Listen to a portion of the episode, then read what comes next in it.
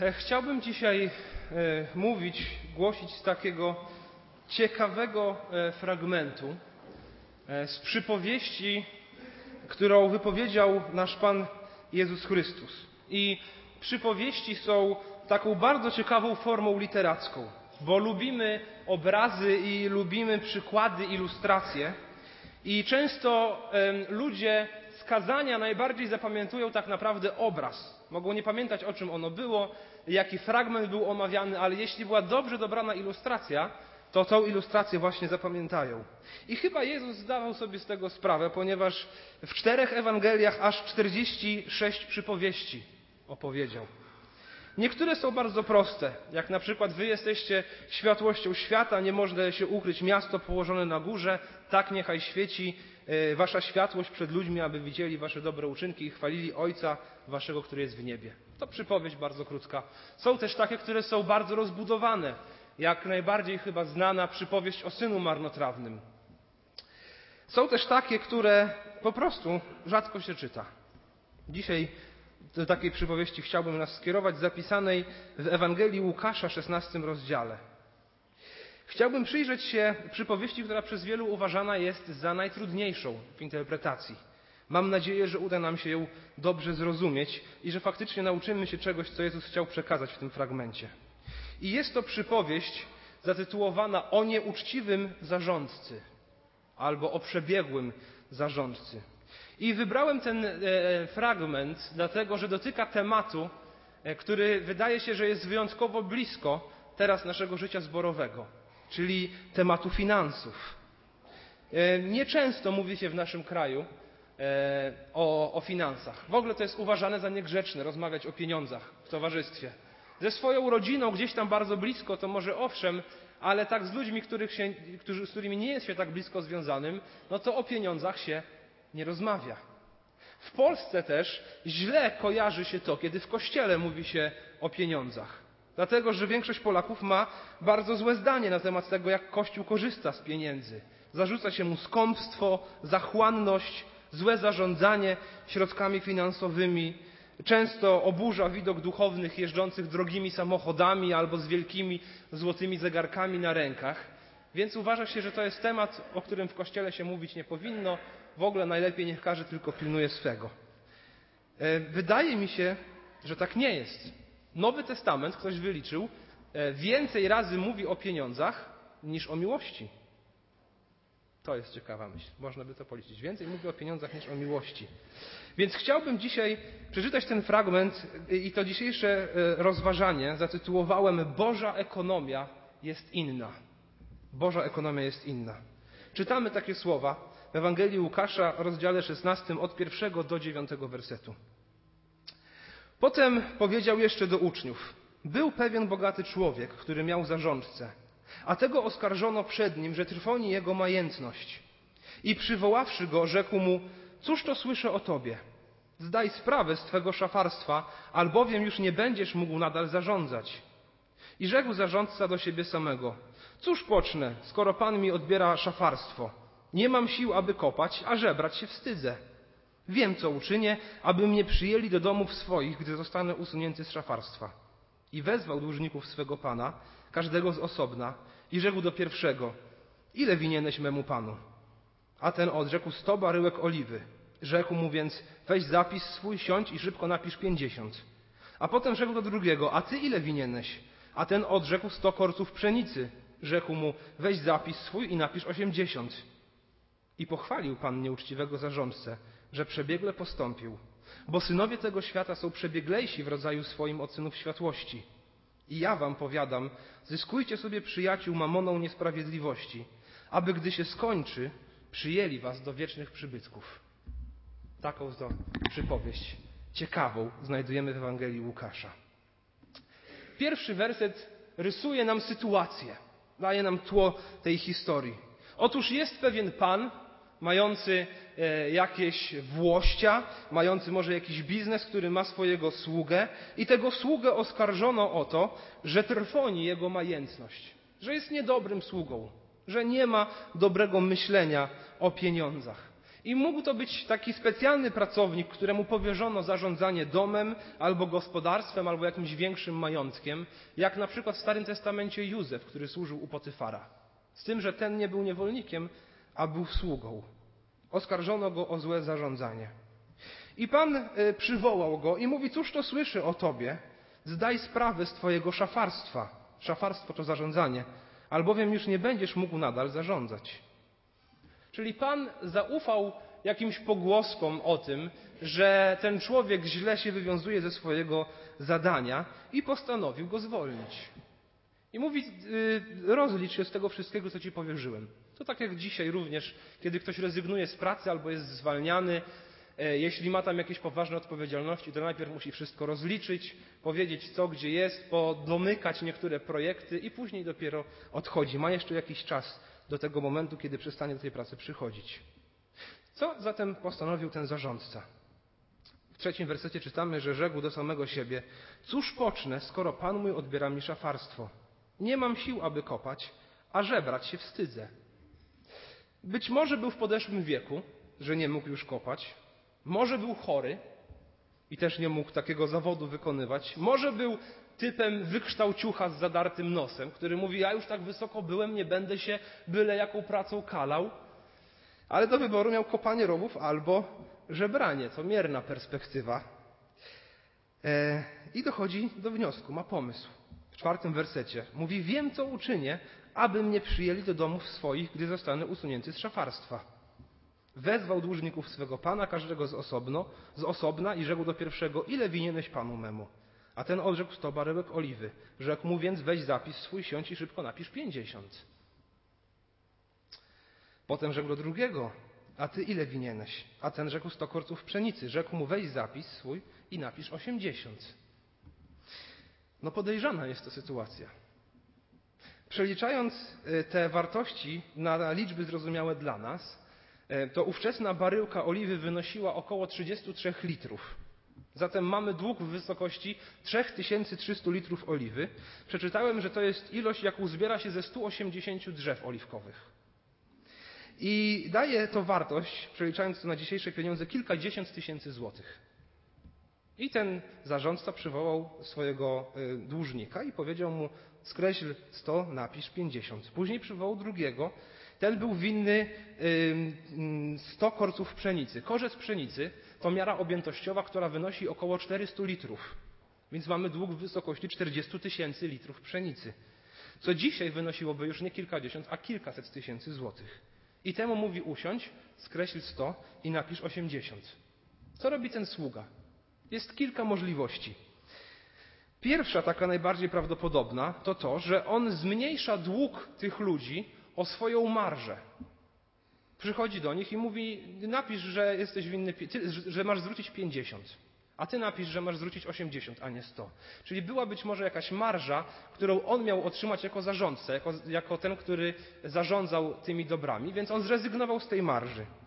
Druga możliwość jest taka, że on zmniejszył dług o procenty które gdzieś tam się naliczały. Dodatkowy jakiś koszt, który był z tym związany, on skreślił to i mówi oddaj tyle, ile pożyczyłeś. Trzecia możliwość jest oczywiście taka, że on okrada swojego pana. Ale patrząc na to, jak postąpił z nim pan, wydaje się, że, że to jedna z tych pierwszych dwóch. Więc najprawdopodobniej on rezygnuje z czegoś, co mu się należało, na korzyść dłużników. Rezygnuje z czegoś, co mu się należało, aby w przyszłości to w jakiś sposób zaprocentowało na jego korzyść. I o tym wszystkim dowiaduje się jego pan, pracodawca. I jak reaguje? Ósmy werset mówi: Pan pochwalił nieuczciwego zarządcę, że przebiegle postąpił. I na tym ten werset chciałbym jeszcze omówić. Jak to rozumieć, że Pan pochwalił nieuczciwego zarządcę? No nieuczciwy on jest dlatego, że mu to zarzucono już wcześniej. To może właśnie nie z powodu tego, co on teraz zrobił, ale że od początku poznajemy go jako nieuczciwego, ale został pochwalony za to, że przebiegle postąpił. I przebiegle to jest słowo, którego używa Biblia Warszawska. Inne przekłady mówią o tym, że on przezornie postąpił, albo że roztropnie postąpił. I słowo greckie, które zostało tutaj użyte, występuje kilka razy w innych fragmentach Nowego Testamentu. Między innymi na przykład w Ewangelii Łukasza 12:42, gdzie też jest mowa o zarządcy uczciwym i jest o nim powiedziane tak. A Pan rzekł, któż jest tym wiernym i roztropnym szafarzem, którego ustanowił Pan na strzeladzią swoją. Więc tutaj wydaje się, że e, tłumacze w jakiś sposób zinterpretowali nam tekst i użyli słowa takiego, jakiego użyli, czyli przebiegłości, bo przebiegłość nam się źle kojarzy. Brzmi jak cwaniactwo. Natomiast on został pochwalony, że postąpił mądrze. Nie w zły sposób, ale w mądry. Pochwalono go za to. E, takie właśnie to mądre zachowanie. W innych fragmentach to słowo zostaje tłumaczone również jako mądrość, przezorność, roztropność. Tymi słowami tak jest również tłumaczone. Więc Pan pochwalił nieuczciwego zarządcę, że tak roztropnie, mądrze, przebiegle postąpił, bo synowie tego świata są przebieglejsi w rodzaju swoim od synów światłości. Więc jest taki zarzut, który już robi Jezus, czy taka, taka, takie zdanie, które wypowiada. Mówi, synowie tego świata, czyli ci, którzy są z tego świata, niewierzący, nie ci, którzy ufają Bogu, ale ci drudzy, są roztropniejsi, mądrzejsi w zarządzaniu pieniędzmi niż synowie światłości. Dlaczego? No dlatego, że oni patrzą w przyszłość. A zdaje się, że zarzut, jaki jest skierowany do synów światłości, jest to, że oni nie patrzą w przyszłość. To też mówi werset dziewiąty. I ja wam powiadam, zyskujcie sobie przyjaciół mamoną niesprawiedliwości, aby gdy się skończy, przyjęli was do wiecznych przybytków. Mamona niesprawiedliwości. Mamona to jest słowo aramejskie, słowo, którym posługiwał się Jezus i nim określano pieniądze i bogactwo. A nazywana jest niesprawiedliwą dlatego, że w Biblii generalnie bogactwo jest, nie jest nazywane czymś złym, ale jest uznane za coś niebezpiecznego. Za coś, co nie przynosi, nie usprawiedliwia człowieka. Nie ma samo w sobie wartości wiecznej. Często jest używane, jest tym, po co żyje świat, to jest mamona, dlatego jest nazwana niesprawiedliwą. Znamy takie wersety, jak łatwiej przejść wielbłądowi przez ucho igielne, niż bogatemu wejść do Królestwa Niebios. Znamy wiele takich biblijnych wersetów. I Jezus mówi, używajcie tych pieniędzy, które macie, tej mamony niesprawiedliwości, aby gdy się skończy, przyjęli was do wiecznych przybytków. Przyjęli was do wiecznych przybytków. Kto ma przyjąć?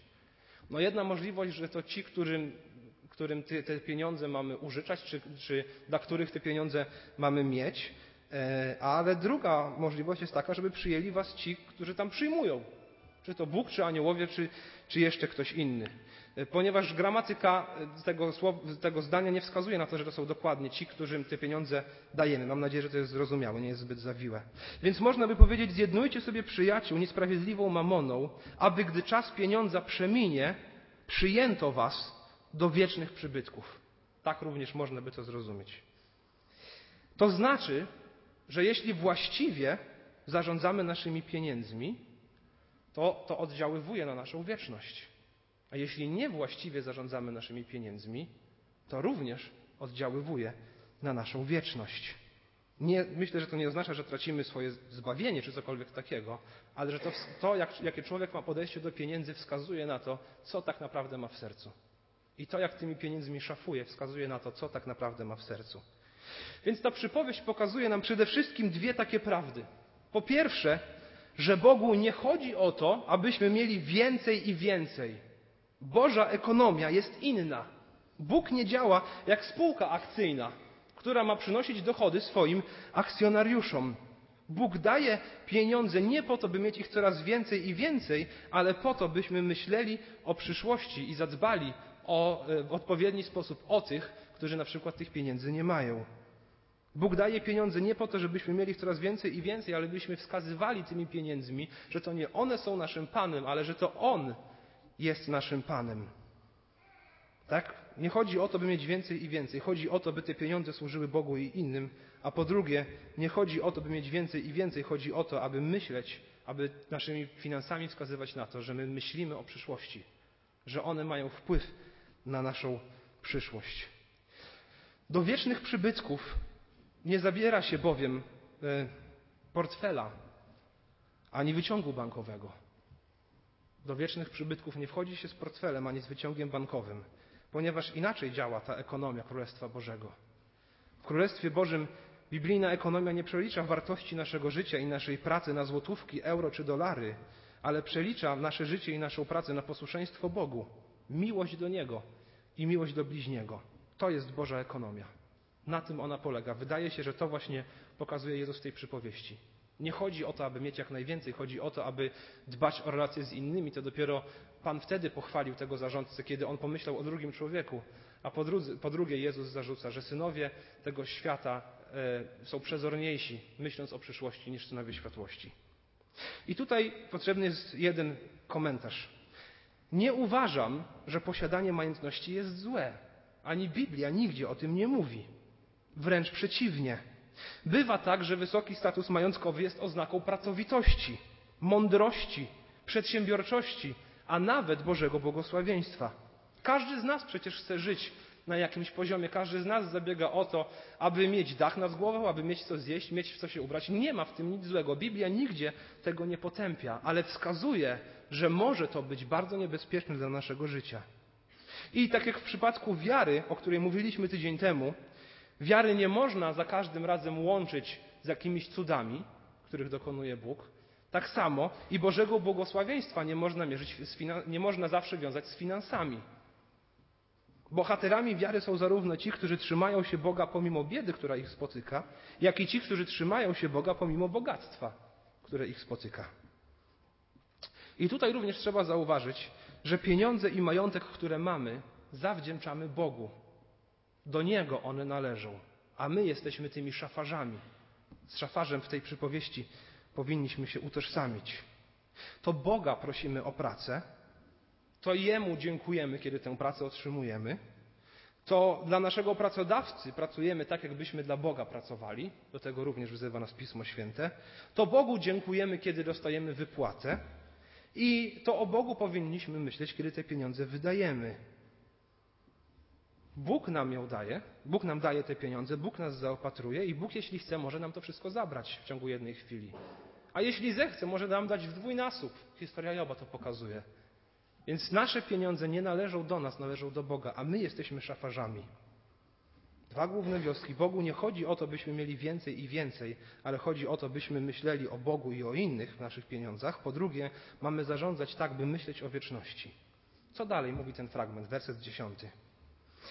Kto jest wierny w najmniejszej sprawie i w wielkiej jest wierny, a kto w najmniejszej jest niesprawiedliwy i w wielkiej jest niesprawiedliwy.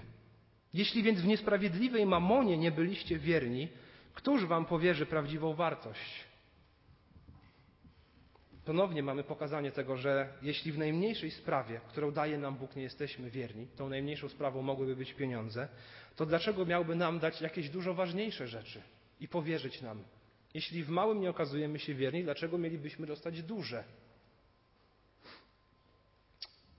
Dwunasty werset. A jeśli nie byliście wierni w sprawie cudzej, któż wam poruczy rzecz własną?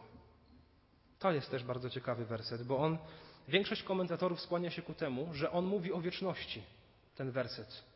Że tu na ziemi mamy cudzą wartość, Bożą, otrzymujemy, ale w wieczności będziemy mieli swoją.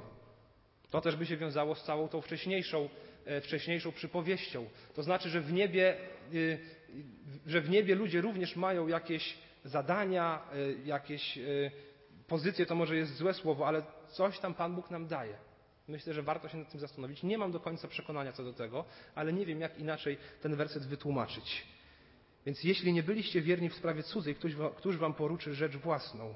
I werset trzynasty. Żaden sługa nie może dwóm panom służyć, gdyż albo jednego nienawidzieć będzie, a drugiego miłować, albo jednego trzymać się będzie, a drugim pogardzi. Nie możecie Bogu służyć i mamonie. Komu służę swoim życiem? O czym myślę w swoim wolnym czasie? O tym, jak mogę zarobić więcej pieniędzy, czy o tym, o tym jak wydam więcej pieniędzy, czy o tym, jak mogę usłużyć Bogu swoimi pieniędzmi? Czy układam swój tydzień tak, aby, aby przez sześć czy pięć dni pracować, a siódmego dnia faktycznie odpocząć e, i przyjść do zboru i, i cieszyć się E, i dziękować Bogu za to wszystko, co On mi daje? Czy może przez pięć czy sześć dni tak mocno pracuję, że w niedzielę rano nawet nie mogę wstać na poranne nabożeństwo? Czy zarabiam z myślą o sobie? Czy zarabiam z myślą o tym, jak te pieniądze mogą być użyteczne również w Królestwie Bożym? To są bardzo niewygodne słowa. Również dla mnie widzę to po minach wielu z Was. Ale to jest przypowieść, którą daje nam Jezus. I ona daje nam poważnie do myślenia. I mnie, kiedy czytam ten tekst, w wielu miejscach gdzieś tam kłuje. Komu ja służę swoim życiem? Bogu czy mamonie? Werset 14 i 15. A słyszeli to wszystko faryzeusze, którzy byli chciwi. I naśmiewali się z niego. I powiedział im: Wy jesteście tymi, którzy chcą uchodzić w oczach ludzi za sprawiedliwych, lecz Bóg zna serca wasze, gdyż to, co u ludzi jest wyniosłe, obrzydliwością jest przed Bogiem. Faryzeusze naśmiewali się z niego, bo byli chciwi.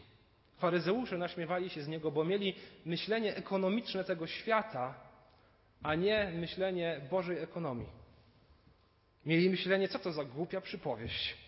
O tym, że Pan pochwalił tego, który zrezygnował ze swoich rzeczy. Przecież mu się należały, mógł je wziąć. A może, ach, ten Jezus nie zdał bez zarządzania i z ekonomii. A może co to za gadka, że pieniądze mają wpływ na moją wieczność? A jak ja mam bez nich żyć? A może jak będę żył tak, jak on tutaj zasugerował, będę się zastanawiał, komu mam oddać moje pieniądze, to zaraz się znajdą tacy, którzy przyjdą i tylko po te pieniądze będą do mnie przychodzili. A może daj człowiekowi palec, a weźmie całą rękę. I niektóre te obawy są uzasadnione. I na pewno każdy z nas, jak tutaj siedzi, nieraz został wykorzystany finansowo. I nieraz został źle potraktowany z powodu swoich finansów. Nadużyto naszego zaufania czy pomocy. Ale nawet jeśli mamy takie podejście, daj człowiekowi palec, a weźmie całą rękę, to chyba lepiej jest wejść bez ręki do Królestwa Bożego, niż żyć z wszystkimi palcami poobwieszonymi pierścieniami w splendorze tego świata. Podsumowując, ale jeszcze nie kończąc, Bóg jest właścicielem naszych pieniędzy, które mamy. Od Niego je dostajemy. My nimi zarządzamy. Boża ekonomia jest inna niż ekonomia tego świata. Bóg chce, abyśmy pieniędzy naszych używali, czy pieniędzy, którymi zarządzamy, używali dla Jego chwały. Nasze pieniądze mają służyć nie tylko nam, ale mają służyć również wielu innym. Pieniądze, które mamy i to, co z nimi robimy, mają wpływ w jakimś sensie na naszą wieczność. I mamy żyć tak, aby wskazywać, że to nie pieniądzom służymy, a Bogu. W tym wszystkim pamiętajmy o tym, że to nie jest wezwanie do ubóstwa, ani to nie jest wezwanie do jakiegoś socjalizmu kościelnego, aby wszystko sprzedać i rozdać. Uważam jednak, że uważam, że niezbędne jest zapewnienie swojej rodzinie godziwego bytu. Niezbędne jest to, aby troszczyć się i myśleć również przyszłościowo, ale w tym wszystkim, to jak zarządzamy naszymi pieniędzmi, czy to małymi, czy to dużymi, pokazujemy sobie, Bogu i innym, komu służymy tak naprawdę. Wszystko to ma ostatecznie służyć Bożym sprawom. Więc Bogu nie chodzi o to, byśmy się tylko bogacili, ale byśmy służyli innym. Mamy zarządzać pieniędzmi, myśląc o wieczności. Jak możemy to wszystko zastosować w naszym życiu? Cztery, cztery takie myśli. Po pierwsze, i to mówię przede wszystkim do młodych i do siebie, wyuczmy w sobie ofiarowywanie na Boże cele. Im szybciej tego się nauczymy, tym lepiej dla nas. Właśnie tego, że to Bóg dał mi pieniądze i że to Bogu te pieniądze mają przede wszystkim służyć i to na Boga y, ma wskazywać to, jak tymi pieniędzmi zarządzam. Aby nie było tak, że wszystkie je zjadłem albo przehulałem, ale by mądrze nimi zarządzać. Pamiętam kiedyś, jak zacząłem zarabiać swoje pierwsze pieniądze i zacząłem sam się utrzymywać. Chyba już dzieliłem się tą historią kiedyś z kazelnicy. Zarabiałem w kinie jakieś półtora do dwóch tysięcy złotych miesięcznie. I nie było dla mnie żadną trudnością dzielić się tymi pieniędzmi z innymi. Pierwsze co robiłem, to wysyłałem dziesięcinę dla mojego zboru. Później dowiadywałem się, czy ktoś potrzebuje pomocy i chętnie pomagałem. Później opłacałem wszystkie swoje rzeczy i starałem się coś odłożyć na przyszłość. Ale kiedy zmieniłem pracę, jeszcze jako student, i zacząłem zarabiać trzy albo cztery razy tyle, co w kinie, i nagle miałem zrobić przelew, jak miałem w zwyczaju, e, przesłać dziesięcinę dla zboru, oj, to ręka mi zadrżała. I sobie pomyślałem, tyle pieniędzy mam wysłać? Przecież kiedyś to były dla mnie niewyobrażalne pieniądze, a teraz co? I tak mi było wstyd, kiedy zdałem sobie sprawę z tego, o czym zacząłem myśleć, że nagle to jest za dużo, żeby Panu Bogu oddać, chociaż to On mi dał pracę, która jest dużo lepsza. Naprawdę wstyd. I gdybym nie zrobił tego od razu, z pierwocin moich nie oddał dziesięciny, to później może nie byłoby już z czego. Także cieszę się, że Pan Bóg taką lekcję mi dał. E, zacząłem się kierować taką zasadą, którą kiedyś usłyszałem, że opłacam własne rachunki, wiem ile wydaję na rzeczy codzienne i to odkładam, część swoją odkładam na przyszłość, a całą resztę, która zostaje, nie planuję, co z tym zrobić dla siebie, ale komu mogę to dać. Czy to zborowi, czy może jakimś innym ludziom potrzebującym.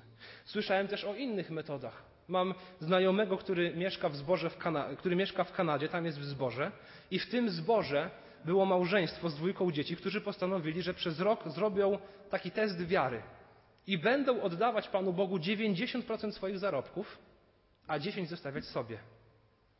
Niewyobrażalny test wiary dla mnie. I to byli ludzie dosyć zamożni. Powiedzieli, że przez ten rok bywało tak, że musieli dolewać wodę do mleka, kiedy chcieli zjeść płatki rano na śniadanie. Ale że tak dużo się nauczyli przez ten rok, że nigdy nie żałowali swojej decyzji. I widzieli, że te pieniądze zostały dobrze wykorzystane. Niesamowita wiara. Nigdy nie żałowałem pieniędzy ofiarowanych Bogu, czy to na zbór, czy to na ludzi pracujących na misji, czy dla ludzi będących w wyjątkowych potrzebach. Nigdy. Ale cały czas widzę, że muszę uczyć się mądrości i walczyć ze swoim własnym i wrodzonym skąpstwem. I wierzę, że nasza hojność nie jest mierzona kwotami, które dajemy. To nie zależy od statusu majątkowego, ale nasza hojność mierzona jest nastawieniem serca, jakie mamy. A Bóg każdy taki dar nagradza w odpowiedni sposób. Dwa tygodnie temu tutaj mówiłem o takim cudzie finansowym, którego doświadczyliśmy organizując festiwal Refresh. Nie wiem, czy drodzy pamiętacie to. I mówiłem o tym, że, że dostaliśmy dokładnie tyle, ile potrzebowaliśmy. Różnica była kilku złotych. I pewna osoba dała mi w kopercie na długo przed tym festiwalem kilkadziesiąt złotych jako ofiara na rzecz tego festiwalu. Ktoś mógłby powiedzieć, kilkadziesiąt złotych w porównaniu z osiemdziesięcioma siedmioma tysiącami to nic. Ale zauważcie, że Bóg tych kilkudziesięciu złotych użył, aby tę małą dziurę załatać tych większych kwot i tych mniejszych. Bóg wie, ile komu potrzeba. Hojność nie jest mierzona kwotami, ale nastawieniem serca. Po drugie, jesteśmy coraz bliżej finalizacji sprzedaży działki przy Iwickiej. Są różne komplikacje. Mówiłem o tym tydzień temu, prosiliśmy również o modlitwę. Nie rozwiały się one przez ostatnich kilka dni, ale dalej mamy w planach to, że uda się nam tę działkę sprzedać. To są bardzo ważne słowa. Mamy to w perspektywie. Jeśli, jeśli uzyskamy te pieniądze ze sprzedaży tej działki, bracia i siostry, członkowie naszego zboru, i choć na chwilę stracimy z oczu Bożą perspektywę zarządzania tymi pieniędzmi, to staniemy się w tej, w tej kwestii pożałowania godni. Jeśli nie będziemy pamiętać o tym, że to Bogu te pieniądze mają służyć i to od Boga je otrzymujemy i to On nam daje to w zarządzanie i będziemy źle nimi zarządzać, to lepiej dla nas, żebyśmy ich nie dostali. Jeśli te pieniądze miałyby doprowadzić do tego, że powstaną w zborze kłótnie i podziały, to lepiej, żebyśmy ich nie otrzymali. Mówię to z pełną odpowiedzialnością za te słowa. Jeśli te pieniądze miałyby doprowadzić do tego, że zmalałaby nasza ofiarność i troska o życie finansowe zboru, to lepiej, żebyśmy ich nie dostali. One mogą stać się dla nas i dla całego Kościoła ogromnym błogosławieństwem z którego będą czerpać jeszcze wiele, wiele kolejnych pokoleń. Ale mogą stać się również dla nas przekleństwem. Bądźmy mądrzy w tym, co Bóg nam ofiarowuje. Bądźmy mądrzy w tym, co Bóg nam ofiarowuje. Nie zaprzepaśćmy tej szansy. Niech Bóg będzie przez nie uwielbiony i niech przyświeca im Boża ekonomia zarządzania. Po trzecie, wielu z nas tutaj siedzących jest członkami tego właśnie zboru do nas się zwracam teraz przede wszystkim. Pierwszego zboru Kościoła Chrześcijan Baptystów w Warszawie przy Waliców 25. Jeśli my nie będziemy troszczyć się finansowo o nasz zbór, to kto ma to zrobić? Jestem przekonany, że wielu z Was robi to i sieje w nasz zbór. I chwała Bogu za tych, którzy tak robią. Ale jest też wiele osób, które nie korzystają z tego przywileju siania w zbór. Wierzę, że jest to przywilej, Jesteśmy dużą grupą ludzi. Mamy nasz własny budynek w centrum miasta. Nasz zbór istnieje już prawie 150 lat. Za 4 lata będzie 150. rocznica. Pan Bóg troszczył się przez wiele, wiele tych lat w różnych okolicznościach o nas. Nasz zbór się rozwija. Widzimy chrzty, mamy trzy chrzty do roku. Na tych chrztach wielu młodych ludzi. Powstają nowe służby. Na przykład teraz służba dla niepełnosprawnych. Widać swego rodzaju przebudzenie w naszym zborze na przestrzeni ostatnich lat. Dla mnie przywilejem jest ofiarowanie na zbór. A jednak cały czas okazuje się, że mamy różne problemy z, tym, z tą sprawą. Troszczymy się o to i wyrażamy swoją troskę właśnie w tym, że chcielibyśmy mieć remonty naszych sal, naszej kaplicy, chcielibyśmy mieć ciepło w zimie, chcemy błogosławić innym zborom, chcemy mieć czysto, chcemy mieć ładnie, chcemy mieć dobre materiały w naszych służbach i tu jeszcze wiele można by wymieniać. Ale jeśli my nie bierzemy odpowiedzialności za nasz zbór, to kto ma ją wziąć? Pomyślmy o tym. Wielu z Was to robi, dziękuję Wam za to. Ale myślę, że wiele jeszcze przed nami i moglibyśmy być dużo dalej. Nie namawiam nikogo, nie jest to jakaś agitacja w żaden sposób. Chcę po prostu spojrzeć z perspektywy tej przypowieści również na siebie i na to, że pieniądze, które mam, służą Bogu. W naszej rodzinie myśmy podjęli taką decyzję, że regularnie co miesiąc przekazujemy na konto zborowe jakąś część e, wypłaty. I nigdy nie żałowałem tych pieniędzy. Nigdy nie żałowałem. Wręcz przeciwnie, cieszę się z tego, bo widzę, jak ten zbór działa. Cieszę się z tego, bo widzę, że te pieniądze są mądrze wydawane. Cieszę się z tego, że, że jest dbałość o pieniądze. Naprawdę, jeśli ja jako na przykład lider grupy młodzieżowej pobieram jakieś pieniądze z kasy, bo coś chcę kupić do sali, z każdego grosza muszę się rozliczyć i paragony przynieść. Cieszę się z tego, że brat Artur tak pieczołowicie się tym zajmuje i raz do roku mamy spotkanie członkowskie, gdzie każdy grosz jest rozliczony i powiedziane jest na co poszedł. I jestem dumny z tego, że jestem członkiem zboru, który nie trwoni pieniędzy, a mądrze nimi zarządza. Bierzmy odpowiedzialność za nasz zbór, również finansową. I ostatni, czwarty punkt zastosowania tej przypowieści. Jesteśmy dużym zborem, wielopokoleniowym, mającym ludzi z różnych środowisk, różnie obdarowanych, mamy różne talenty, różne wykształcenie i różny status majątkowy. Dziękuję Bogu za tę różnorodność. Nigdy nie chciałbym, aby to się stało jakieś miejsce elitarne, przeznaczone tylko dla jednej grupy. To byłaby, to byłaby hańba i skandal. Więc skoro jesteśmy rodziną, to musimy się nawzajem o siebie troszczyć, co jest trudne przy dużej grupie ludzi, jak ustanowimy.